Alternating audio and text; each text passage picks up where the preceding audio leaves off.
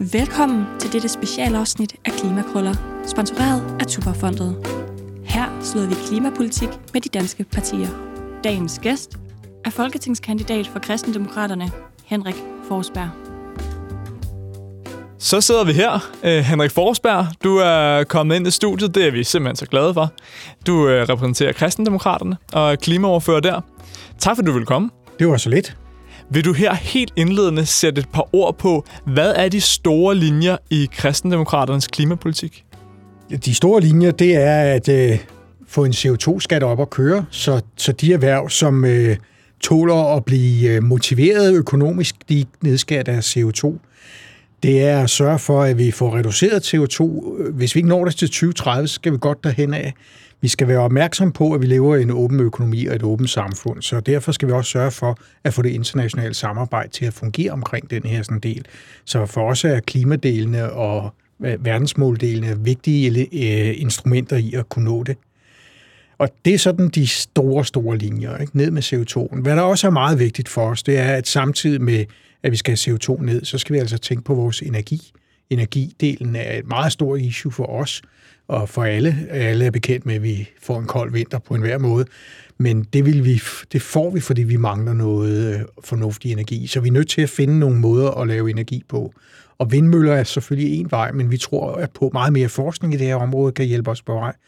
Og vi er ikke blinde for, at det kunne måske godt være, at man skal kigge på moderne A-kraft og få det til at virke. Der er også geotermik, der er mange andre muligheder for at få det på plads. Og skal vi have nok energi frem, så er vi nødt til at investere i en øh, infrastruktur, så vi kan få båret energien derhen, hvor der er behov for den. Det nytter ikke noget at have nogle vindmøller, der kan lave, jeg ved ikke hvor mange terabyte, 6, 3-6 terabyte.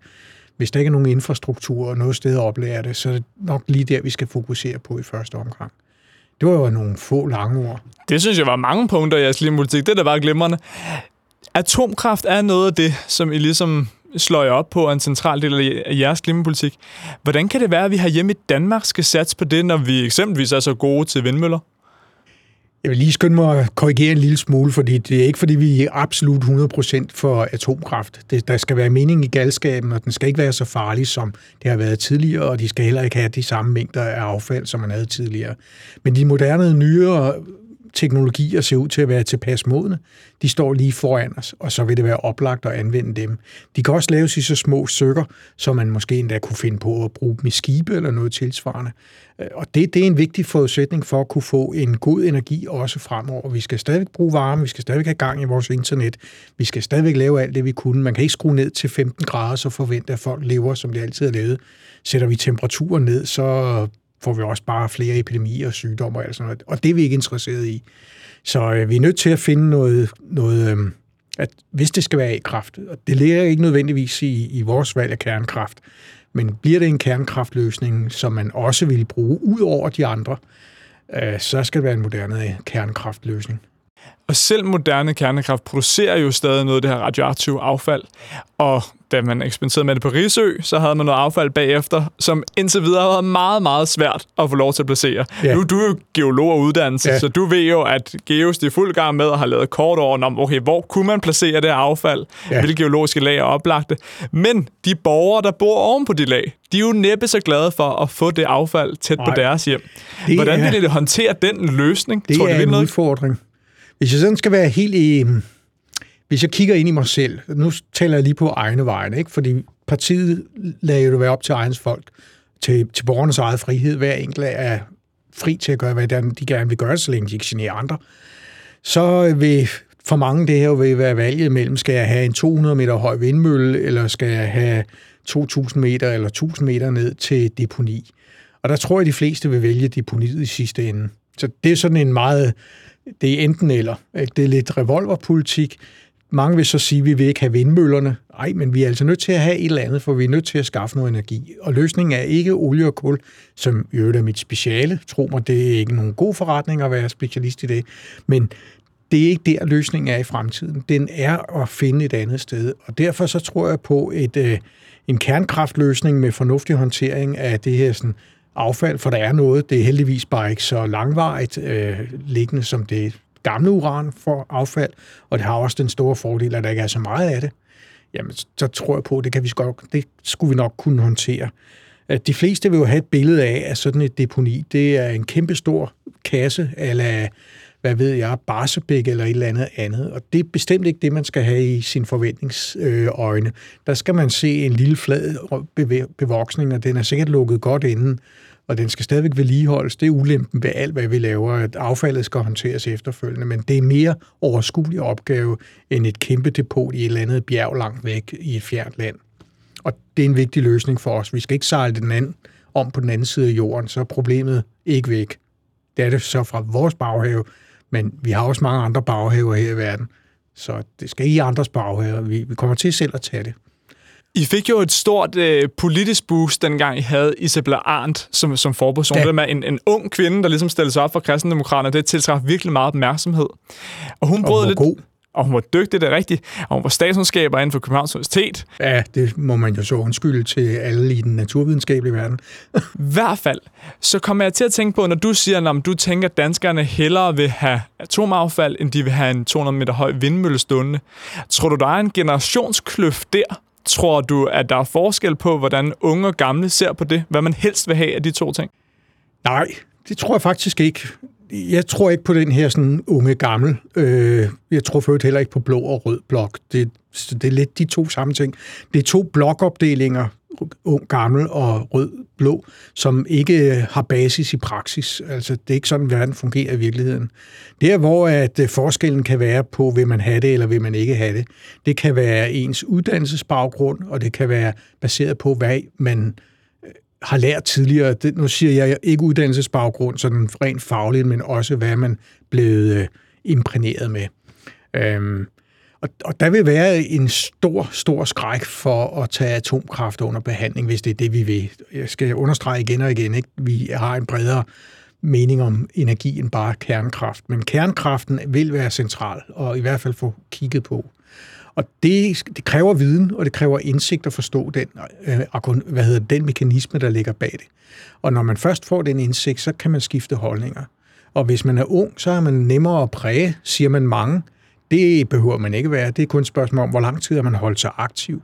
Øh, vi plejer at sige kernen i, i kristendemokraterne, at vi inde i vores kerne, der er vi jo unge mennesker, vi har bare en meget erfaren krop i forhold til så mange andre, øh, for eksempel sammenlignet med Isabella. Og øh, den her sådan, aldersforskel, det er ikke, fordi man bliver gammel og stokkonservativ. Det, det, det er omstændigheden, der gør, at man bliver stokkonservativ. Man kan stadigvæk godt holde sig på et godt kristen niveau, eller bevæge sig helt over i enhedslisten for den sags skyld, hvis man vil det. Ikke fordi jeg forstår, hvad man vil derovre. Man skal ellers komme hen til kristendemokraterne, og det er ikke aldersbetinget. I og med, at I ser mere kritisk på det med at få sat vindmøller op på land særligt, så holder lige fast en gang til det med atomkraft. Fordi atomkraft er noget, der tager meget lang tid at få opsat. Og i virkeligheden de steder rundt omkring Europa, man har prøvet på det senest i Finland og i England, jamen så har de jo haft værre ventetider end DSB. Ja. Altså det er ret store ja. forsinkelser, vi taler om. Og i og med, at verdens CO2-udledning skal pike her i 2025, er atomkraft så en reel løsning at inddrage? Er vi ikke nødt til at sætte de satans vindmøller op? Det er så derfor jeg sagde før, at vi jo ikke fuldstændig bare for atomkraft, og det laver vi i morgen, koste hvad det koster vi. Fordi går man efter en kernekraftløsning, så kommer der også til at være en masse komplikationer, og der vil være masser af skriveri frem og tilbage, og der vil være den ene klage efter den anden for at få det stoppet. Jeg har selv været græsrodsbevægelse, så jeg kan nogle af de der trick til at få ting til at glide ud i det uendelige. Og det vil man også opleve der, ligesom man oplever det med vindmøllerne. Man er nødt til at satse på vindmøller og nogle andre muligheder inden da. En vindmølle den har måske en investeringshorisont på 30 år.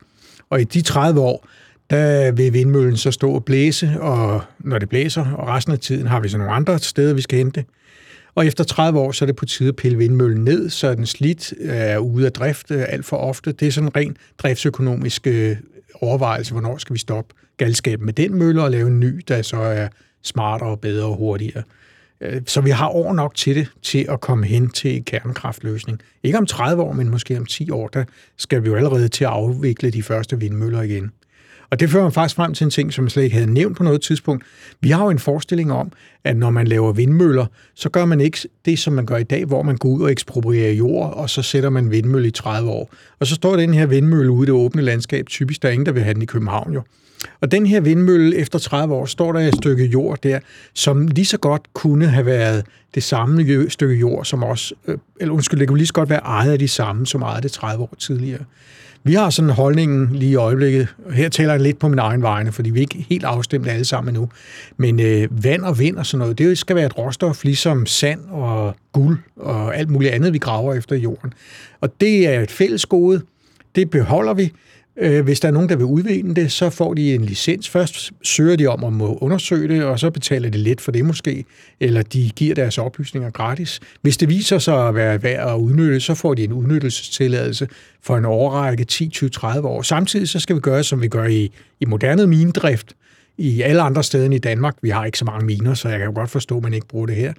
Øh, så laver man så en licens selvfølgelig. Samtidig laver man så en lokal benefit-aftale – og den her lokale benefit-aftale, den går jo dels til ejerne af jorden, og den går til det lokale samfund, de små landsbyer, og den går til kommunen. For de tre, det er de, her, sådan, der skal døje med at have alle ulemperne ved, omkring møllerne, som jo er til fordel for alle andre. Og det er rimeligt, at de får den her sådan local benefit agreement, som man aftaler i de fleste andre steder. Så får man måske som husejer en eller anden royalty, ja, det kan være omsætningen, det er her, hvor forhandlingskunst kommer ind, det kan også være en fast pris, hvad ved jeg, man får simpelthen en del af rådet. Og dem, der tjener pengene, de, de står ikke bagefter med en jord, som de så måske kan sælge til dyre penge, fordi den ligger lige ideelt rigtig godt lige ude ved havet. Jorden går tilbage til den oprindelige ejer, og så kan de jo så håndtere, hvad de vil. Forhåbentlig vil de dyrke landbrug, for eksempel. Vi vil da gerne have mere landbrug stadigvæk. Det kan være, at de vil dyrke til flere øh, menneskeføde end til dyreforsøg. Det har vi det helt fint med. Det går dansk landbrug også efter i forvejen. Så det var en meget lang snak om lige præcis det ene emne. Altså, det er meget mere differentieret som så. Kernekraft er en spændende løsning, men det er ikke nødvendigvis den eneste. Og lige nu, der skal vi finde på noget andet. Og det er jo super stærkt det med at få lokal støtte omkring opsætningen af vindmøller og få lokalsamfundene med. Og der, der er det jo helt oplagt, at det skal være på kommunal plan, at man har indflydelse på, skal der stå en vindmølle her eller ej. Ja. Men som en del af planloven er det jo sådan, at kirker også har en særlig indsigelsesret ja. i forhold til vindmøller, der kan ses fra kirkerne. Ja. Også selvom de fleste øh, sovne, mængden af mennesker, der kommer i kirkerne, er væsentligt mindre end mennesker, der bor i kommunen. Ja. Er det retfærdigt? Nå, nu er kristendemokraterne heldigvis et politisk parti, og vi har både kristne i alle mulige mystiske variationer, og vi har assister, og vi har også muslimer som alt. Så det er kristens synspunkt, der driver den politik. Det er en kristen ideologi, hvis jeg må kalde det det. Men det er ikke et kirkesamfund. Og derfor så er det altså kirker er som alle mulige andre. Hvis de er i vejen, jamen så må de jo have en øh, benefit-aftale, ligesom alle de andre. Det kan være, at de skal have en ny altertavle. Hvad ved jeg? Altså, det... Stærkt klasse. Så det betyder, at vi kunne faktisk godt fjerne den indsigelsesret, og så give dem en ny altertavle i stedet for. Noget for noget. Det, vi er jo et borgerligt parti. så det kan jeg rigtig godt lide. Øh, noget af det, der står allerøverst i jeres klimapolitik, det er, at jorden skal afleveres til kommende generationer i en bedre tilstand, end vi modtog den i. Ja. Det er jo en, altså en virkelig flot ambition, fordi det skal jo ikke bare være lige så godt, det skal være bedre endnu. Vi har næsten planket verdensmålet. Ja, fuldstændig. Ja, du har et verdensmålspin på, skal det siges til, til lytterne. Ja. Øhm, I dag, der lyder ambitionerne jo, at vi skal have en 70% reduktion af Danmarks CO2-ledning i 2030 og 100% i 2050. Men hvis man ser på, hvor meget, hvor stort CO2-budgettet er tilbage op i atmosfæren i virkeligheden, og fordeler det ud over alle verdens borgere, så her i Danmark, der hvis vi skulle have 67% sandsynlighed for at blive under en halvanden grads opvarmning, så skulle vi virkelig gå i nul allerede 2032 og have en 90% reduktion i 2030. Hvad, hvor stiller I jer der? Hvad sigter I efter i kristendemokraterne? Det er jo øh, det er drømme. For, for det første så vil den danske del af det her, den er så bitte lille, så vi kan gøre alt, hvad vi kan for os lille lokal samfund det vil bare stille os dårligere i forhold til omgivelserne. Og det skal jo ikke være meningen, at vi skal gå ned på, øh, hvad vi lever af. Vi skal ikke have en hel masse arbejdsløse. Vi skal ikke tabe vores konkurrenceevne. Det, det er den, vi lever af, altså med al respekt. Vi skal jo stadigvæk kunne leve. Så det er jo ikke bare vores jord uden mennesker, det er vores jord med mennesker, vi skal tænke på.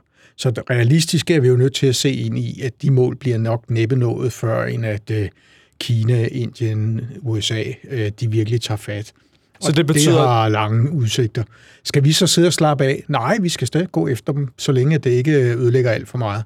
Og når jeg siger ødelægger ikke alt for meget, så vil nogen opfatte det, jeg siger nu, som en ødelæggelse. Men vi er bare nødt til at se i øjnene, at vi kommer til at have en verden, der ser anderledes ud.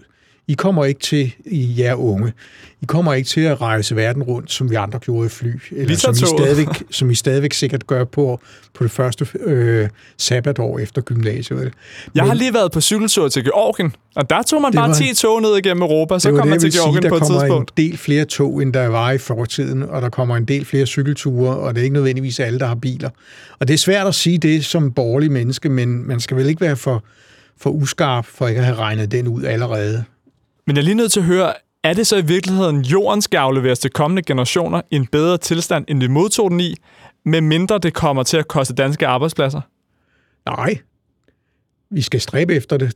Det, der var et nej til, det er, når vi det til 32, fordi det er rigtigt, hvis vi regner den anden vej rundt, så ender vi der midt i 30'erne, så skal vi være færdige. Helt urealistisk. Altså, så skal vi virkelig så det er helt slut med at køre bil for nogen som helst lige om et øjeblik, og Aalborg Portland skal ikke lave cement mere. Ikke?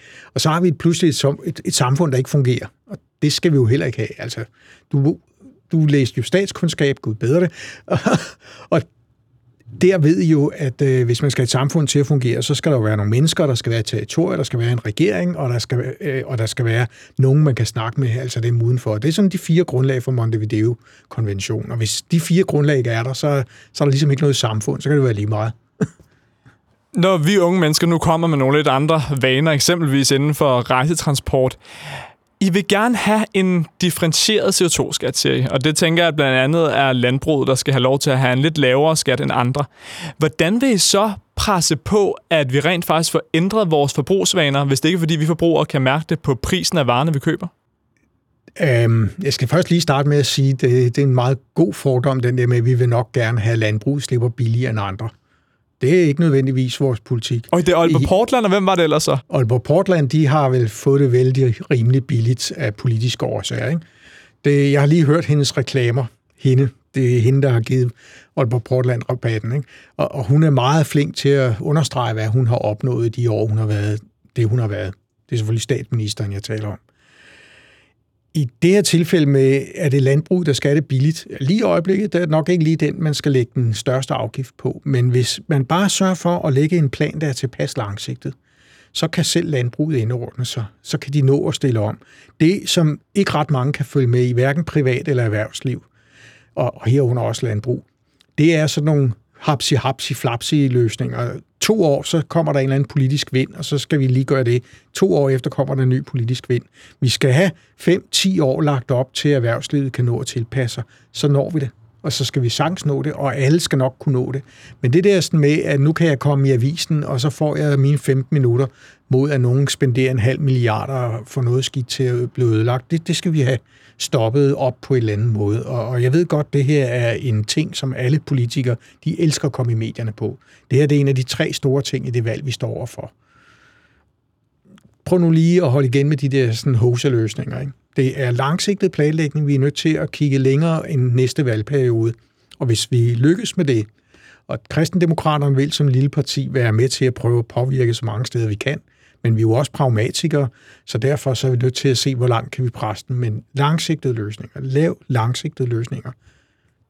Men i forhold til at skubbe på øh, forbruget og adfærden der, der man siger, hvis man sammenligner med rygning, jamen der siger man jo netop, at vi skal have nogle hurtige sådan, prishop, for ja. så mærker man det virkelig som forbruger. Ja. Og hvis det er lidt mere gradvist, så vender man sig bare til de højere ja. priser, så bliver man ved med at købe cigaretterne. Ja. Hvordan vil I få forbrugerne til at ændre adfærd, eksempelvis når det handler om at købe kød?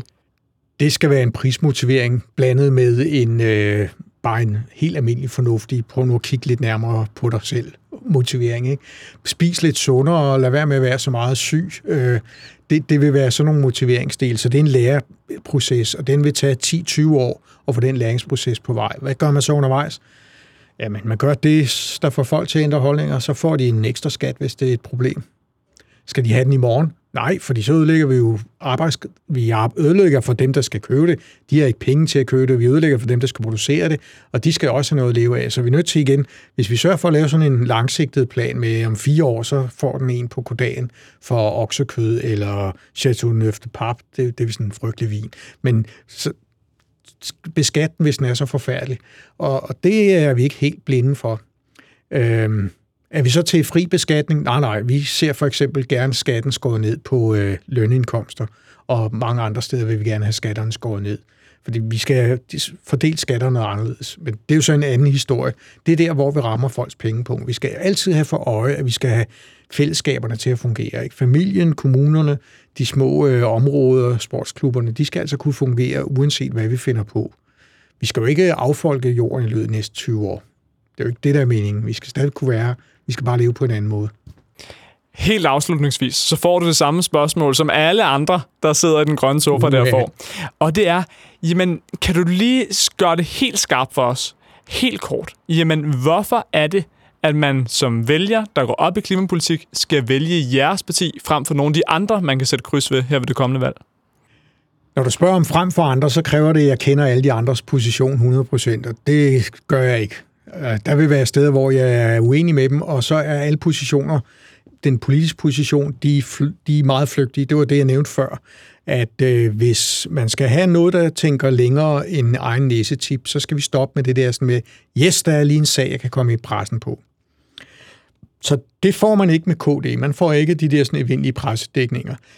Du får heller ikke en, øh, sammenligning. Vi går ikke efter klimadan og gør ham til grin, selvom han sikkert nogle gange fortjener det. det. Det hører du ikke så meget for os, og det er i hvert fald i et lukket rum, når det sker. Vi vil gerne blive vundet på, at vi går med en langsigtet planlægning. Man skal kunne vide, hvilke skatter forventer vi hen over lang tid. Vi skal kunne forvente og vide, at hvis vi ikke skal flyve sammen alle sammen, så skal vi også have nogle alternativer. Turistindustrien skal stadig kunne leve. Hvordan får vi folk videre? Jamen, kør selv i jeres elbil, eller tag en cykel øh, og tag tog. Ikke? Det vil være nogle af de løsninger. Øh, vi kigger langsigtet, hele tiden langsigtet. Og det vi kigger efter også, det er jo selvfølgelig, at vi får vores værdier sat i spil. Og det er jo hensynet til andre, det er næstekærligheden. Det er at sørge for, at øh, alle er inkluderet i den ene form eller i den anden form. Og det er jo sådan meget verdensmålsnak, for at sige det mildt. Ikke? Det man kan tage alle 17 verdensmål, og så mapper de en til en over i noget, som øh, kristendemokrater ønsker. Så, så det er langsigtighed, og det er planlægning, og det er det, vi står på den her sådan, det kristne fundament, den kristne grundholdning, som jo ikke er alene reserveret kristne. Det skal jeg lige huske mig om igen. Ikke? Det er, der er stort set ikke nogen religion i dag, der ikke har det her sådan grundsyn, at det er næste kærlighed at vise hensyn til andre, og ikke sætte sig selv først altid, men sørge for at være en del af et fællesskab. Glimrende. Det har simpelthen været en øh, kæmpe fornøjelse at høre om jeres politik. Tusind tak skal du have. Tak fordi du kom. Ja, det var så lidt. Det var en fornøjelse.